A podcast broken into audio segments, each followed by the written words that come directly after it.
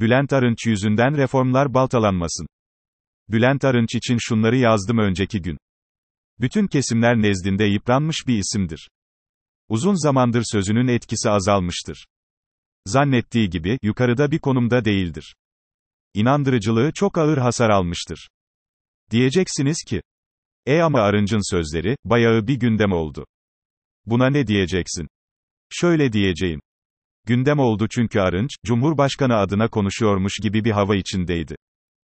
Peki Bülent Arınç'ın gündeme oturan açıklamaları arasında altına imza atılacak türden şeyler yok muydu? Tabii ki vardı.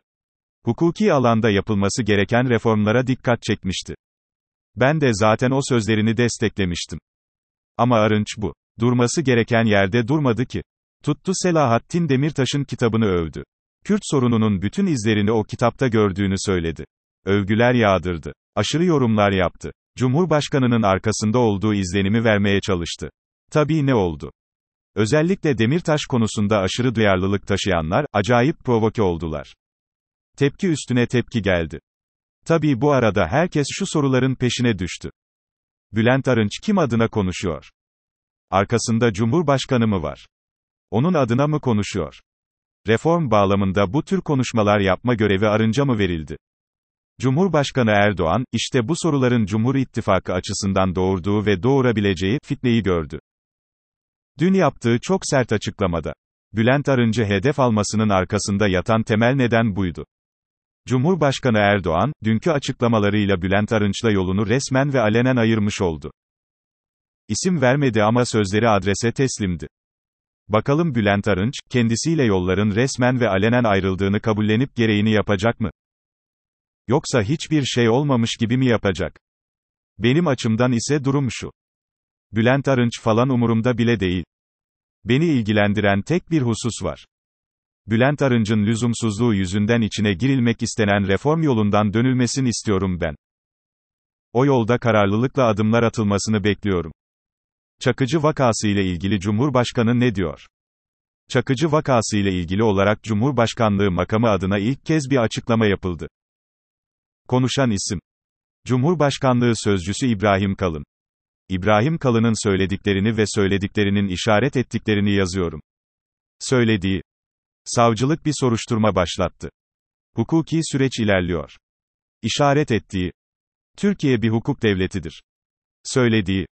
Türkiye'de kimsenin kimseyi bu şekilde tehdit etmesi, hukuk devleti normları açısından kabul edilebilir bir şey değil. İşaret ettiği. Cumhurbaşkanlığı, Alaaddin Çakıcı'nın tehdidini onaylamıyor. Söylediği. Sayın Kılıçdaroğlu, şikayette bulundu. Hukukun kuralları içerisinde ne gerekiyorsa mahkemeler gereğini yapacaklardır. İşaret ettiği. Konu mahkemelik. Hükmü mahkemeler verecek. Söylediği. Sayın Bahçeli'nin Çakıcı ile eskiye giden tanışıklığının, dostluğunun olması da onun belki bir vefa duygusuyla söylediği bir şey. İşaret ettiği. Bahçeli'nin Çakıcı'ya bir vefa duygusuyla sahip çıktığını görüyoruz. Söylediği. Kişisel hukuk ile hukukun ortaya koyduğu normlar arasında bir çatışma olmaması gerekir. İşaret ettiği. Kişisel hukuk tamam. Ama hukukun normları ne diyor, asıl ona bakmak lazım. Söylediği. Son tahlilde bir hukuki süreç başladı. Bununla ilgili biz de izleyeceğiz mahkemenin nasıl bir karar vereceğini. İşaret ettiği. Kişisel hukuk ile hukukun normları arasında bir çelişki var mı? Ona da mahkeme karar verecek. Bu da benim hükmüm. Siyasi koşullar açısından çok zor bir konu bu. İbrahim Kalın, bir sözcü olarak ilkelerden ödün vermeden ve siyasi koşulları göz önünde bulundurarak yapılabilecek en iyi açıklamayı yapmış. Yaklaşıyor yaklaşmakta olan. Dün Cumhurbaşkanı Erdoğan şöyle dedi. Kısıtlamalara uyulmazsa ilave tedbirler almak zorunda kalabiliriz. Ben bu sözü şöyle tercüme ettim. Yaklaşıyor yaklaşmakta olan.